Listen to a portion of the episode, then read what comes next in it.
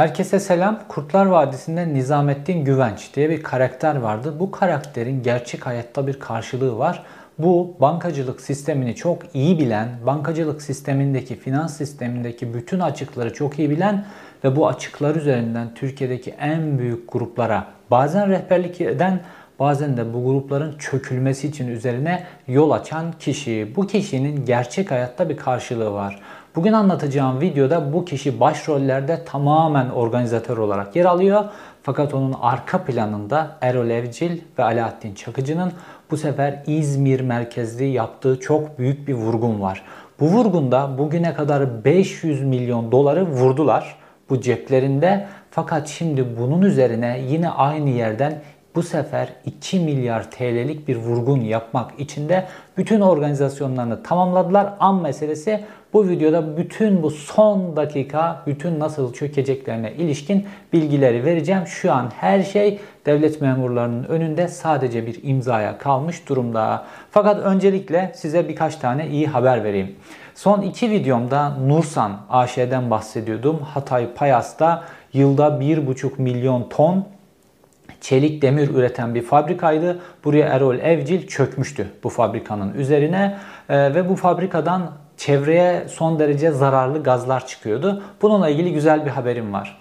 Şimdi ton başına çelikte birkaç dolar maliyeti arttırmamak için bu fabrikanın bacalarındaki filtreleri yeniletmiyordu Erol Evcil ve bu fabrikadan payasa zehirli atık her gün çıkıyordu. Payas halkını kanserojen madde zehirliyordu. İki videomda bunu da gündeme getirmiştim. Ve şimdi öğreniyorum ki Nursan AŞ'de, Nursan Demir Çelik'te ya da Erol Evcil'in çöküp ismini değiştirdiği ABA Demir Çelik'te üretimi 10 günlüğüne durdurmuşlar ve bacalardaki filtreler yenileniyormuş. Bu Payas halkının, Payas'ta bütün bu abanın üzerine baskı kuran mekanizmaların ve bu videoların, videolara ilgi gösteren insanların hepimizin toptan başarısı Payas'taki çoluk çocuk kanserojen solumayacak.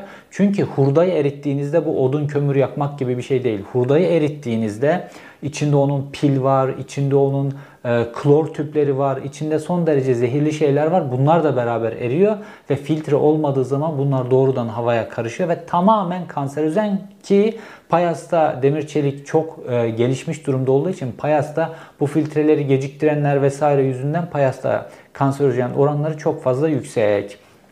Bir diğer müjde olarak vereceğim şey ise daha doğrusu güzel bir gelişme olarak vereceğim şey ise Payas Organize Sanayi Bölgesi'nin yönetimi komple belediye başkanı Bekir Altun'a giderek istifalarını vermişler bu pisliğin içerisinde olmak istemiyoruz diye istifalarını vermişler. Çünkü Erol Evcil Payas'a, Hatay'a, İskenderun'a çöktükten sonra şu an hurdacılar iflasa sürükleniyor, devlet vergi alamıyor, milyarlarca vergi birikiyor bir tarafta, elektrik paraları ödenmiyor, işçilerin maaşları ödenmiyor, bölge terörize edilmiş durumda. Erol Evcil ve korumalarından oluşan böyle sürü gibi geziyorlar, her yerin üzerine çöküyorlar vesaire. Artık Payas Organize Sanayi Bölgesi'nin yönetimi buna artık ortak olmak istemiyoruz diye istifalarını götürüp Erol Evcil ile birlikte hareket eden AKP'li belediye başkanı Bekir Altun'un önüne koymuşlar. Henüz istifalarını kabul etmemiş Bekir Altun ama onun önünde duruyorlar. Bu da güzel bir gelişme. Şimdi gelelim esas bugünkü konumuza Cer Çelik dosyasına çökülen 500 milyon dolar ve çökülmek üzere olan 2 milyar TL ile ilgili konulara. Yine bilgi dolu, yine dop dolu bir videoyla karşınızdayım.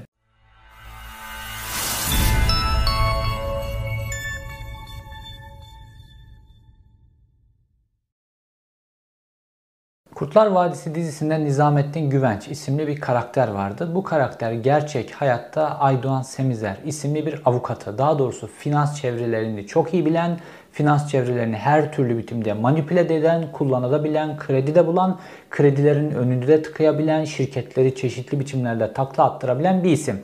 Aydoğan Semizer. Bugünkü videomuzun kahramanlarından bir tanesi Aydoğan Semizer ve olay tamamen Cem Uzan'ın bir malı etrafında dönüyor. Cem Uzan'ın İzmir'de Metaş isimli bir demir çelik üreten bir fabrikası vardı. Bu Metaş'ın hem fabrikası var 306 dönüm üzerine kurulu ve İzmir'in göbeği diye sayılabileceğimiz bir noktada Bornova Işıklar Otogarı'nın hemen dibindeki bir arazide. Aynı zamanda bir de Metaş'ın limanı var. Liman ve demir çelik fabrikası birlikteliğinde çok yüksek bir katma değer ortaya çıkıyor. Fakat Cem Uzan'ın bütün mallarının hepsine el konulduktan sonra aradan biraz zaman geçiyor. Fabrika kapalı kalıyor. Daha sonra TMSF bu fabrikayı 2006 yılında satışa çıkartıyor. Ve 2006 yılında fabrika satışa çıkartıldığında liman ayrı, fabrika ayrı biçimde satılıyor. Limanı 45 milyon dolara, fabrika ise 40 milyon dolara TMSF satıyor, yeni sahiplerine geçiyor ve Tanyeri ailesi fabrikayı kendileri de demir çelik sektörünün içinden gelen demir çelik fabrikaları bulunan aynı zamanda bir aile Tanyeri ailesi burayı satın alıyor 40 milyon dolara. Sonrasında 130 milyon dolarda üzerine yatırım yapıyorlar ve Cer Çelik isimli yıllık 500 milyon dolar demir çelik üreten yıllık 500 milyon dolar cirosu olan bir fabrika haline getiriyorlar ve fabrikanın ana üretimi de tamamen ihraç edilen demir çelik üzerine kurulu. Fakat zaman ilerledikçe bu cerçelikle ilgili bazı problemler ortaya çıkıyor. Bu da 2008 yılına geldiğimizde patlak veriyor. Çünkü 2008 yılında Avrupa'da büyük bir ekonomik dalgalanma, kriz diyebileceğimiz bir durum oluşmuştu. Bu da cerçeliğin ihracat rakamlarını etkiliyor. Cerçelik kredi almak zorunda kalıyor ve aniden de böyle 130 milyon dolar gibi bir yatırımda yapılması nedeniyle bir anda bu beklenmedik krizle dengeleri bozulmaya başlıyor ve uluslararası birkaç e, bankadan kredi alınarak durum toparlanmaya çalışılıyor. İşte bu noktada devreye Aydoğan Semizer giriyor. Ve Aydoğan Semizer bankalardan kredi bulma, uygun kredi bulma konularında uzman birisi olduğu için Tanyeri ailesinin kapısını çalıyor ve diyor ki ben size uygun kredi bulurum. Zaten piyasada da uygun kredi bulmak konusunda uzman bir avukat olduğu için de kendisine vekalet veriyor. Fakat o günlerde Halk Bankası'ndan 90 milyon dolar krediyle ilgili anlaşma noktasına gelmiş olmasına rağmen Cerçelik Aydoğan Semizer diyor ki ben size daha uygun ve daha büyük kredi bulacağım. Çünkü bu 90 milyon dolar size yetmeyecektir diyor ve süreci uzatıyor. Süreci uzatıyor. Bugün kredi buldum, yarın kredi buldum. Süreci uzatıyor, uzatıyor ve Cerçelik'i içinden çıkılmaz bir duruma getiriyor. İşte bu noktada işler artık içinden çıkılmaza yakın bir noktaya, aslında çıkılmaz durumda değil ama yakın bir noktaya geldiğinde Aydoğan Semizer şapkadan tavşanı çıkartıyor. Diyor ki Sivas Demirçelik ve Ege Mateli satın alan ve bunları işleten Erol Evcil isimli bir iş adamı var. Bu sizin fabrikanızı kiralayabilir, fabrikayı kiralar, işletir, bütün borçları e, üstlenir. Kendi diğer iki fabrikasıyla da entegre biçimde size de bir kira öder. Hem siz bu kiradan dolayı rahat edersiniz hem de o borçları temizler. Sonra da satacaksınız, satmayacaksınız, kiralama devam edecek, etmeyecek. Bu şekilde düşünürsünüz diye önlerine bir formül getiriyor. Fakat Aydoğan Semizer'de, Erol Evcil'de hep bu tip fabrikalara göz koyuyorlar. Bir şekilde hafif bir zora girmiş. Dolayısıyla oraya girdikleri andan itibaren işleri sahipleri açısından daha da zor hale getirecek. içinden çıkılmaz bir hale getirdikten sonra onların amacı fabrikanın içerisini boşaltıp piyasaya da milyarlarca borç takıp ortadan kaybolmak. Bütün stratejileri bunun üzerine olduğu için onlar fabrikanın batıp batmamasıyla çok ilgilenmiyorlar. Ve burada bu işe giriyorlar. Fakat sonrasında çok daha büyük bir e, tavuk çıkıyor. Ta, çok daha büyük bir altın çıkıyor. Heybeden buna birazdan geleceğim. Ve bu cerçeliğin içerisine girdikten sonra ki bunlar hep aile şirketleri ve Erol Evcil de hep aile şirketlerine göz koyuyor. Nursan'da olduğu gibi. Burada da aile şirketine girdikten sonra ailenin arasında ikilik çıkartıyor. Ve kiracı olduktan sonra ailenin bazı üyelerine açıktan para vererek böyle çantalar içerisinde bazılarına vermeyerek filan aile içerisinde bir düşmanlık çıkartıyor. Fakat Cerçelik'in başından itibaren Erol Evcil'e kiralanmaması konusunda Zeki Tanyeri yani esas olarak Cerçelik'in patronun oğlu ve fiili olarak da işleri götüren kişi Zeki Tanyeri buna karşı çıkıyor ve hiçbir imza atmıyor kiralamayla ilgili ve büyük hissedar olduğu için de Erol Evcil ve e, Semizer tamamen Zeki Tanyeri'yi gözlerine kıstırıyorlar ve bir şekilde onu saf dışına çıkarmakla ilgili bir plan kuruyorlar. İşte burada bir noter ve insanın e, aklını yerinden alacak ve mahkemelerin de göz yumduğu çünkü mahkemeler de bu işin içerisinde İzmir Adliyesi'nin bu işin içerisinde nasıl komple olduğunu da birazdan anlatacağım size bu çökmenin içerisinde ve bir noterin devreye çık girmesiyle ortaya bir sahte evrak çıkıyor. Aydoğan Semizer, Erol Evcil ve arkalarında Alaaddin Çakıcı büyük güç olarak fabrikaya girdikten sonra ilk iş fabrikanın güvenlik görevlilerini değiştiriyorlar. Oraya ağrılı bir grup getiriyorlar. Bellerinde silahlı fabrikanın bütün güvenlik görevlilerini işten çıkartıyorlar. Ve o andan itibaren fabrikanın sahibi özellikle de Zeki Tanyeri fabrikanın içerisine giremez hale geliyor. Sonrasında Zeki Tanyeri'ye yönelik tehditler başlıyor. Diyorlar ki Say Metal'in sahibini, Ege olarak bildiğimiz yerin sahibini 5 yıl sonra yerin 4 metre altından çıkardılar diyorlar. Dolayısıyla senin sonunda böyle olabilir. Sen Erol Evcil'in kim olduğunu, onun arkasında kimin olduğunu biliyor musun filan. Böyle tehditler bir taraftan işliyor. Ve Zeki Tanyeri o arada hayatını garantiye alabilmek için işte bir teknenin içerisinde yatıyor. Gizli kapaklı oralarda buralarda yaşamak zorunda kalıyor. Şu anda zaten ülkeyi terk edip Cenevre'ye yerleşmiş durumda. Fakat o süreçte bunların işleri ilerliyor ve enteresan biçimde olay çok karışık. Fakat size 3 tane hukuk tarihinde olmayacak skandaldan örnek vereceğim. Fakat bunların hepsi İzmir'de yaşandı ve bütün İzmir Adliyesi, İzmir Organize Suçlarla Mücadele Dairesi, jandarması, hakimi, valisi hepsi savcısı hepsi buna göz yumdular. Bir aile, bir aile tek başına bırakıldı ve bu organize suç örgütünün o ailenin mal varlığını, devasa bir mal varlığını nasıl talan ettiğini Şimdi hep beraber 3 tane enteresan örnekle vereceğim. Şimdi Zeki Tanyeri bunlara direndiği için onun fabrikada da hissesi büyük olduğu için onun hissesini sıfırlamaya karar veriyorlar. Nasıl? Sahte evraklarla. Diğer işte aileyi birbirinden ayırdıkları için 3 tane kız kardeş var. Onların onların bazılarına işte elden para vererek zaman zaman tehdit ederek filan e, Aydoğan Semizer'in ofisinde yani avukatlık bürosunda bir genel kurul yapıyorlar. Şirketin genel kurulunu.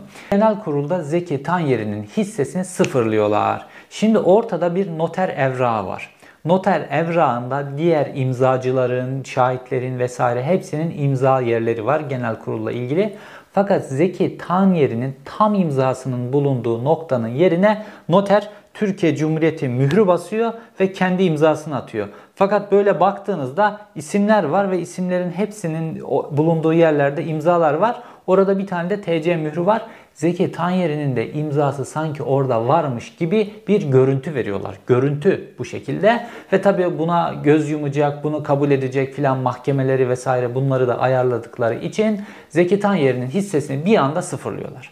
Şimdi bu mahkemeden döner uzun vadede o olur bu olur bunların umrunda değil. Çünkü bunların ana amacı zaman kazanıp yani sizi mahkemelerde orada burada tek başınıza süründürüp yıllarca süründürüp bu arada fabrikanın kontrolünü elinde tutup fabrikanın içini tamamen boşaltmak, piyasaya çok büyük borç takmak, devlete vergi borcu takmak, vergiden çalmak, işçinin maaşından çalmak, çevreyi kirletmek tamamen talancılar bunlar. Talancı oldukları için zamana, talan için zamana ihtiyaçları var. Tabi Tanyer ailesi Zeki Tanyeri gidiyor mahkemelere bunun sahte olduğunu ispat ediyor vesaire. Fakat bunların hepsi zaman alıyor. Bunlar bu arada fabrikayı boşaltmaya devam ediyorlar. Fakat o arada ilginç bir durum daha gerçekleşiyor. Tanyeri ailesi genel kurul kararına karşı ihtiyati tedbir kararı aldırmak için öncelikle hemen İzmir 8. Asliye Ceza Mahkemesi'ne başvuruyor. Ve mahkeme hemen bakıyor zaten işte evran sahte olduğu, imzanın oraya olduğu filan her şeyin belli. Sahte yani bu evrak. Ve mahkeme ihtiyati tedbir kararı veriyor hemen. Fakat diyor ki mahkeme bu ihtiyati tedbir kararını uygulayabilmek için işte fabrikanın büyüklüğü vesaire 100 bin lira harç yatırmanız gerekiyor. Harcı yatırdığınız anda ihtiyati tedbir kararını uygulamaya koyacağım. Gidin harcı yatırın gelin diyor. Tabi ertesi gün harç 100 bin lira harç yatırılıyor. Harcın makbuzuyla beraber İzmir 8.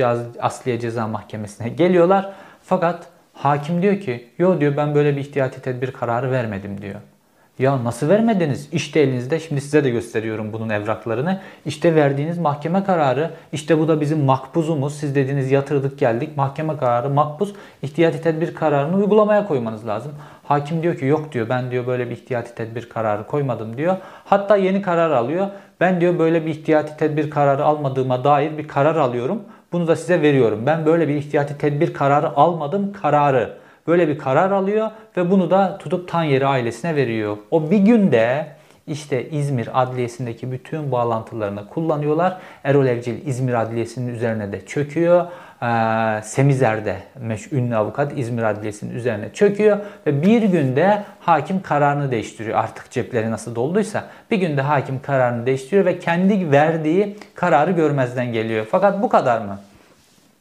E, aile tabi bununla da e, yetinmiyor ve gidip e, büyük hissedar ondan sonra Zeki Tanyeri gidip bu sefer de fabrikaya kayyum atanması ile ilgili bir başvuru yapıyor. Türkiye'de normalde bir yerlere kayyum atamak çok kolay. Çünkü devletin kaybedeceği bir şey yok. E, kayyumların maaşı e, şirketten veriliyor vesaire. Hem de devlet kendi açısından durumu kontrol altına almış oluyor. Ve mahkeme bir kayyum atıyor.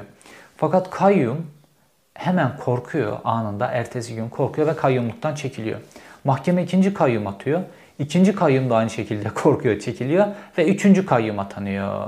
Üçüncü kayyum atanınca üçüncü kayyum yanında işte memurlarla filan fabrikaya gidiyor. Fabrikanın yönetimine el koyacak dolayısıyla. Fabrikanın yönetimine el koymaya giderken tabi bunlar bütün adliyenin içerisinden her türlü bilgileri filan aldıkları için bu Erol Evcil ondan sonra ve ortakları bütün haberleri aldıkları için fabrikaya gittiklerinde normalde Cer Metali yani bu Cer e, demir çelik fabrikasını Erol Evcil kiraladıktan sonra Ede Metal isimli bir şirket kuruyor ve bu şirketine e, kiralıyor. Kendisi fabrikanın içerisinde kiracı gözüküyor. Kayyum Cer Metal, Ede Metal bunun kayyumu olarak giderken bir gidiyorlar kapıda diyorlar ki yo burası Cer Metal de değil, Ede Metal de değil. Burası ne? Burası Intermeta diye bir şirket. Yani daha kayyum gelmeden yolda bu sefer e, Edemetal'de yani kiracı olan da bir alt kiracı olarak Intermeta denen bir şirket icat ediyorlar ve Intermeta'ya kiralıyor ve kayyuma diyorlar ki burası Intermeta, burası ne Cermetal, ondan sonra ne de burası Edemetal, burası Intermeta diye bir firma. Dolayısıyla sen buraya giremezsin diyorlar. Tabi bellileri silahlı vesaire bunlar.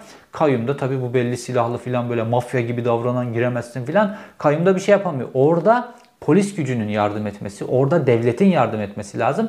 Fakat devlet zaten tamamen Erol Evcil ve Alaaddin Çakıcı tarafından ele geçirildiği için İzmir'de dolayısıyla da devlet bu ailenin yanında olmuyor. Kayyum yani mahkeme kararına rağmen kayyum o fabrikanın içerisine giremiyor. Tabi bunlar bu arada başlıyorlar şirketin içini boşaltmaya. Tabi bu dediğim şeyler yıllarca süren bir süreç bu. Bir taraftan şirketin içini boşaltıyorlar. Önce fabrikayı biraz çalıştırıyorlar tabi. Fabrikayı çalıştırıyorlar. Bu süreçte elektrik borçlarını ödemiyorlar. İşte demir çelik üretiyorlar. Elektrik borçlarını, SSK borçlarını, işçilerin maaşlarını bunları ödemedikleri için de çok ucuza demiri mal ediyorlar. Ve dolayısıyla da çok hızlı biçimde satıyorlar piyasaya. Satıyorlar, satıyorlar, satıyorlar. Fakat artık elektrik borçları öyle bir noktaya geliyor ki fabrikanın elektriği kesiliyor. Ondan sonra geçiyorlar kontrollü sisteme kontörle elektrik almaya başlıyorlar. Yani peşin elektriğin parasını ödeyip kontrollü sistemde elektrik almaya geçiyorlar. Bu şekilde elektrik alıyorlar ve fabrikanın bütün ham madde, bütün depolarını boşaltıp eritiyorlar. Ondan sonra fabrikanın belli makineleri var. Çok değerli makineler. Bu makineleri söküp bu makineleri satıyorlar. Başka fabrikalara, başka kişilere satıyorlar uygun fiyatla ya da Erol Evcil bunları alıp kendi işte İzmir'deki ve e, şimdi Hatay'daki fabrikasına taşıyor bunları bir taraftan. Taşıyor ve buranın içini tamamen boşaltıyor. Yetmiyor. Fabrikanın kabloları var işte bu yüksek miktarda elektriğin gelebilmesi için yer altından bakır kablolar filan onları da söküyor. Bu ki bunların da fotoğrafları var size gösteriyorum. Bunları da söküyor, bunları da taşıyor, bunları da satıyor ve fabrikanın sahipleri de tabii bunlardan haberdarlar. Ve İzmir Işıklar Karakolu'na gidiyorlar ve diyorlar ki bu adamlar fabrikanın içini boşaltıyor. Fabrikanın bunlar sadece kiracı ama fabrikanın her şeyini çalıyorlar diyor. Fakat Işıklar Karakolu diyor ki yo diyor yanlışınız var diyor. İşte Erol Evcil ve onun temsilcileri geldiler. Fabrikaya hırsız girmiş. Hırsız her şeyi çalmış diye bize ihbarda bulundular. Hatta tutanak tutuk diyorlar. İşte tutanağı. Yani fabrikanın her şeyini kendileri çaldıkları halde gidiyorlar bunu bir de e, e, karakola şikayet ediyorlar. Çünkü arkalarında bütün bu devlet mekanizması nasıl manipüle edilir, e, hukuk sistemi nasıl manipüle edilir filan diye Semizer denen Kurtlar Vadisi'ne bile rol almış beyin var. Bu onlara bu aklı veriyor ve bu şekilde bir sistem uyguluyorlar.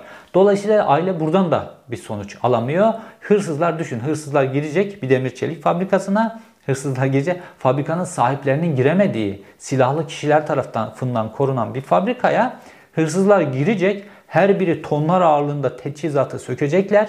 Yer altındaki o bakır kabloları sökecekler, götürecekler ve bütün bunun hepsini bir gecede yapacaklar. Gecede yapacaklar ve kimsenin ruhu duymayacak. Herhalde bir hırsız ordusu ve ağır e, ağır vasıtalarla filan gelip bunları yapması lazım. O hayatın olağan akışına aykırı. Fakat ışıklar karakolu da normalde bunu yemez ama karşılarındaki Erol Evcil, karşılarındaki Semizer, karşılarındaki Alaaddin Çakıcı olunca bunu bir güzel karakolda yiyor. Dolayısıyla ailenin gözleri önünde fabrikanın 50 milyon dolar değerindeki bütün teçhizatı çalınıyor, satılıyor. Normalde o fabrikanın yıllık 500 milyon dolar cirosu var, üretimi var o fabrikanın ve bu fabrikanın da bu demir çelik sektöründe en azından kendisinde 500 milyon dolar değeri demek. Dolayısıyla ortada bir fabrika kalmıyor. Evcil önce bu 500 milyon dolarlık fabrikayı tamamen yemiş oluyor. Piyasaya taktığı borçlar, vermediği borçlar oradan cebine indirdikleri. Devlet elektrik faturası, su faturası, SSK primi falan vermiyor. Bunlardan cebine indirdikleri. İşçilerin aylarca maaşlarını ödemiyor. Buradan cebine indirdikleri. Hatta işçiler maaşların ödenmemesiyle ilgili protestolar yaptılar. Sosyal medyada kampanyalar düzenlediler. Eylemler yaptılar sokaklarda filan. Bunlar haber oldu. Fakat bu Semizer hukuk sistemini çok iyi bildiği için İzmir Adliyesi komple elinde olduğu için bu tweetlere varana kadar bütün bu paylaşımları da internetin arşivinden sildiriyor. Yani tamamen bir organize çete söz konusu ve bütün bu şekilde bütün fabrikanın işini bitirdikten sonra geriye ne kalıyor? İzmir'in göbeğinde 306 dönümlük bir arsa. Sonra geliyorlar bunu yemeye ve bunu yemekle ilgili de yine kafalarında şeytani bir mekanizma var. Üst yapısı tamamen buharlaştırılan, yok edilen, eritilen fabrikanın arsası çok değerli. İzmir Işıklar Otogarı'nın dibinde Bornova'da 306 dönüm arazi.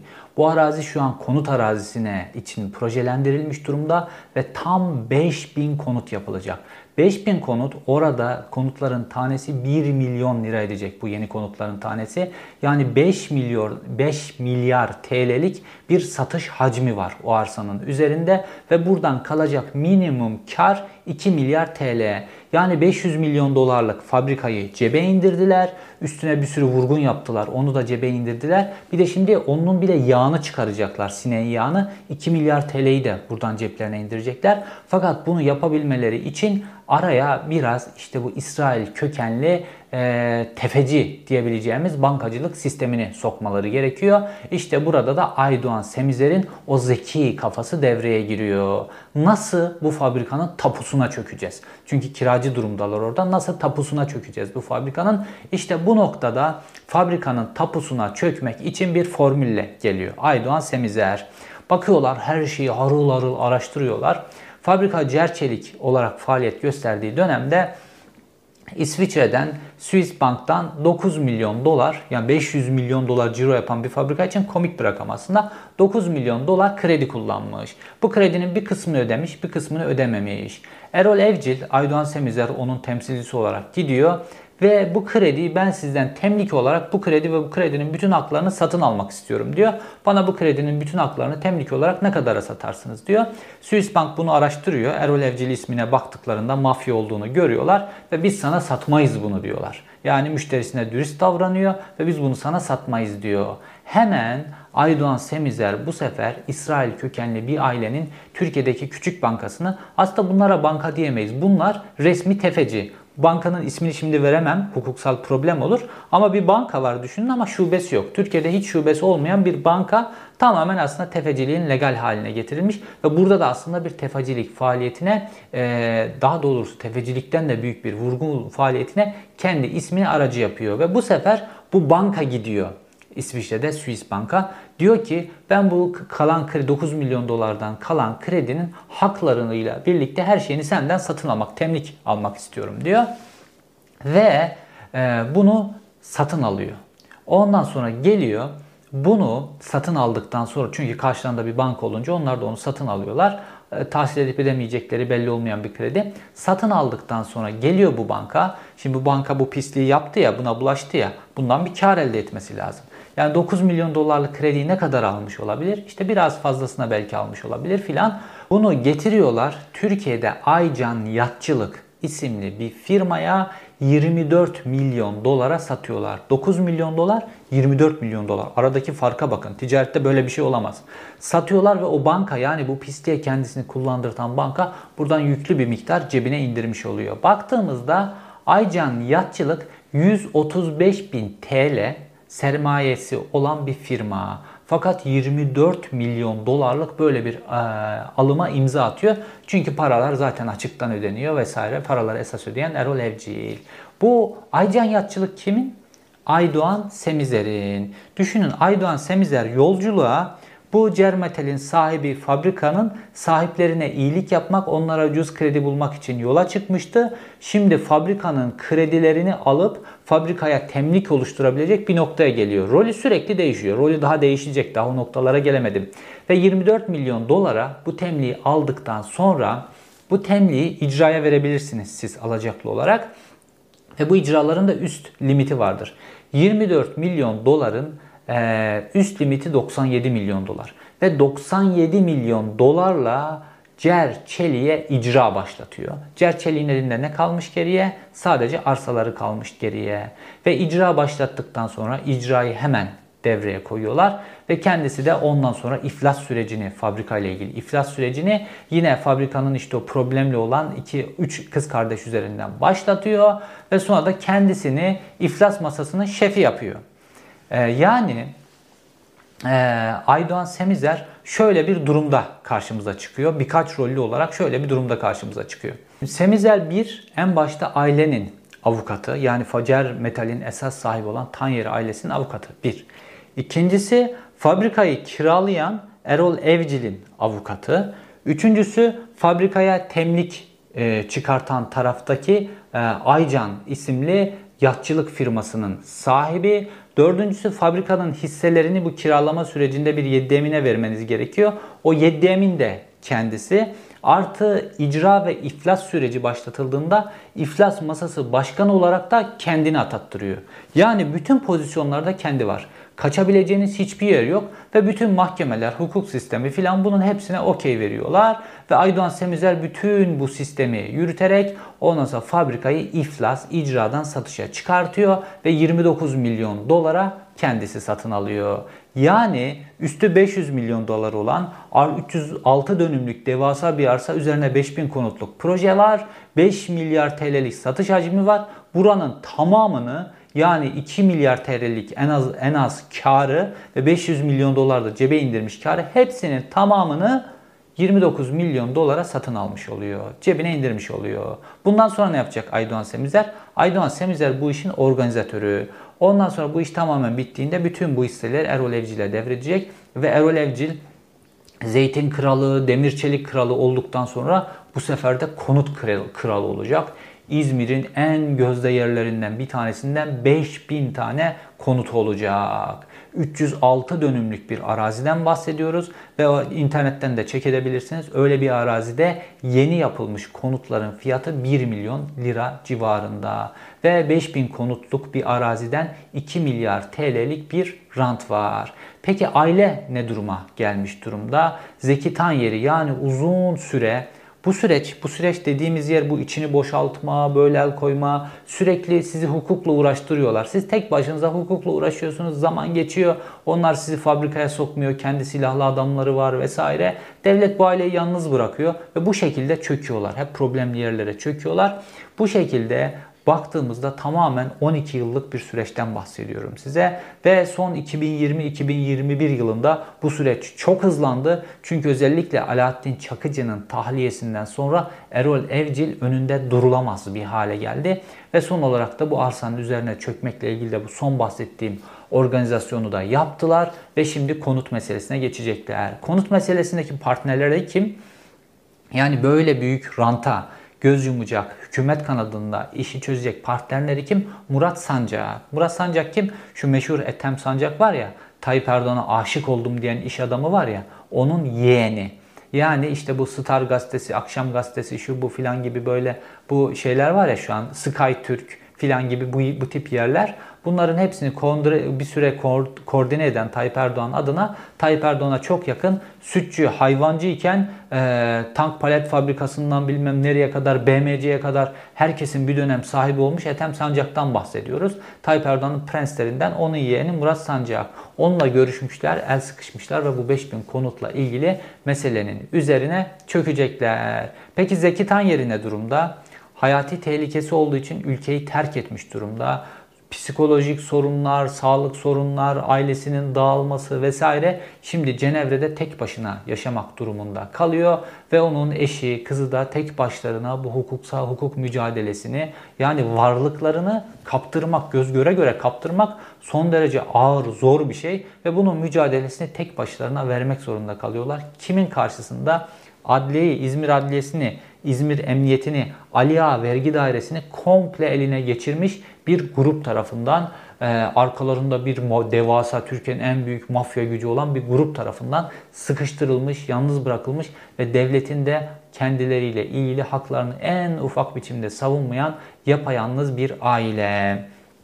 Ve baktığımızda ortada devasa bir vergi borcu var. Ali Ağa Vergi Dairesi Erol Evcil tarafından öyle bir ele geçirilmiş durumda ki yakında Ali Ağa Vergi Dairesi artık herhalde aldıkları rüşvetler yetmeyecek. Ali Ağa, Ali Ağa Vergi Dairesi'nin tapusunu da Erol Evcil'in üzerine yapacaklar. Bu şekilde e, olacak işler öyle gözüküyor. Ve baktığımızda e, ortada devasa da bir vergi borcu var. Türkiye'nin en büyük vergi borçları e, listesi var biliyorsunuz. 100 kişilik bir liste şeklinde yayınlanır.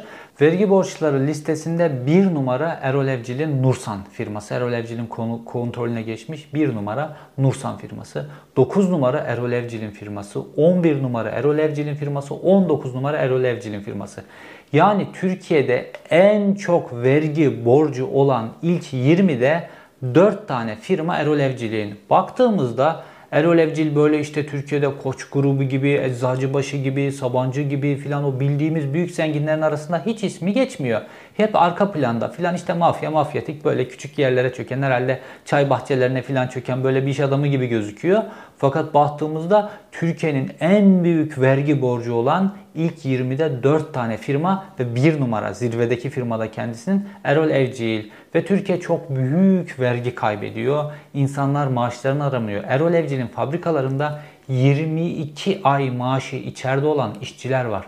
İntihar edenler, eşinden boşananlar, çocuklarıyla problem yaşayanlar, hayatı kararanlar, evine haciz gelenler, eşyalarını kaybedenler, felaket bir tablo var. İnsani açıdan da felaket tablo var. Bu Cerçelik çalıştığında binden fazla işçi sadece bünyesinde çalıştırıyordu. Yan kendisine tedarikçi taşeronlarıyla birlikte 12 bin kişilik bir iş hacmine sahipti. ürettiği 500 milyon dolarlık cironun da neredeyse tamamı ihracat gelirinden oluşuyordu. Türkiye bundan oldu. Yani tüten bir baca söndü Türkiye'de. Peki para kimin cebine doldu? Erol Evcil'in cebine doldu. Erol Evcil ve Erol Evcil ile bağlı olarak Türkiye'deki vurgunların peşini takip etmeye devam edeceğim. Çünkü bu bitmeyecek bir süreç gibi gözüküyor. Çünkü bunlara dokunmuyor. Bunlara hiç kimse dokunmuyor. Erol Evcil'e dokunacak kişi kim? Kaçakçılık ve organize suçlarla mücadele dairesi. Bu dairenin Erol Evcil'e dokunması lazım. Çünkü bütün bütün bu faaliyetler organize suç kapsamında. Fakat baktığımızda hiçbir faaliyet, hiçbir karşı operasyon Erol Evcil'e yönelik yapılmıyor. Erol Evcil ülkenin havasını zehirliyor, hiçbir operasyon yapılmıyor. Vergi kaçıyor, hiçbir operasyon yapılmıyor. İnsanları öldürüyor, insanları tehdit edip ülkesini terk etmek zorunda bırakıyor. Göz göre göre fabrikaya çöküyor, göz göre göre hukuk sistemiyle oynuyor ve bunların hepsini delilleriyle birlikte götürüp hakimlerin, savcıların önüne koyduklarında işler bir günde değişiyor. Mesela o büyük savcı var ya o Kambato denen İzmir'de böyle efsane savcılardan bir tanesi. Bunun önüne bütün bu yolsuzluk, vurgun, cerçelikle ilgili böyle dosya halinde götürülüyor, konuluyor. Bütün delilleriyle birlikte delillere falan bakıyor. Ya tamam siz haklısınız ben buna bir operasyon yapacağım diyor. Ertesi gün Erol Evcil kendisini ziyarete geliyor. Ertesi gün o dosya kalkıyor, rafa konuyor. Bir daha da o raftan inmiyor. Niye? Erol Evcil boş gelmiyor bunların yerine. Erol Evcil hepsinin ceplerini doldurarak bunların yanına geliyor. Yetmiyor. Bir de aileyi çağırıyorlar. Aileyi çağır, çağırıyorlar. Diyorlar ki işte biz sizinle anlaşalım filan. Aileyle bir toplantı ayarlıyorlar. İşte Erol Evcil var, Aydoğan Semizer var filan. Ondan sonra bir ofiste buluşacaklar filan. Tabii Zeki Tanyeri e, daha önce e, Ege Metal olayından, Say Metal olayından bildiği için gittiğinde hisse devrinden adamı vurdular bacağından, iki yerinden zorla imzaya attırdılar. Zeki Tanyeri gitmiyor. Tabii eşi gidiyor. O avukatıyla birlikte eşi avukatıyla gittiği andan itibaren Erol e, Evcil avukatın üzerine saldırıyor, boğazını sıkıyor, avukatı darp etmeye başlıyor. Kadın zorla kaçıyor. Sezin Tanyeri zorla kaçıp oradan kurtuluyor. Bu şekilde terör estiriyorlar. Yani orada bekledikleri şey Zeki Tanyeri de oraya gelsin onun da bacağına iki kurşun sıkıp bu işi halledelim diye o şekilde bekliyorlar. Fakat bu olmuyor. Bununla ilgili de suç duyuruları yapılıyor. Bütün şahitler var ortada bununla ilgili. Her konunun şahidi ve delili var. Bu kadar delilli dosya zor bulur. Erol Evcil'in ve Alaaddin Çakıcı'nın meselesi zaten burada çok ilginç. Bunlar böyle geride delil bırakmakla ilgili hiçbir endişe taşımıyorlar. Yani yaptıkları şeyleri göz göre göre yapıyorlar, açık biçimde yapıyorlar. Hiç böyle bir endişe taşımıyorlar. Özellikle son yıllarda hiçbir endişeleri yok. Çünkü kendilerine dokunulmayacağıyla ilgili garanti almış durumdalar. Bu garantiyi nasıl alırsınız biliyor musunuz? Size dokunacak devlet birimlerini rüşvete boğmuşsanız bu garantiniz vardır. Artık istediğinizi yaparsınız. Anlaşılan bu birimleri rüşvete boğdukları, bağladıkları için bu şekilde hiç delil bırakmaktan çekinmiyorlar. Sahte belgeler, sahte imzalar, her şey ortada. Bunlar normal bir hukuk düzeni geldiğinde bunların hepsi çok rahat biçimde sorulur. Sivas Demirçelik'in de hesabı sorulur, Nursa'nın da hesabı sorulur, Cermetal'in de hesabı sorulur. Yeter ki birazcık küçük bir hukuk düzeni, bir düzelme emaresi olsun.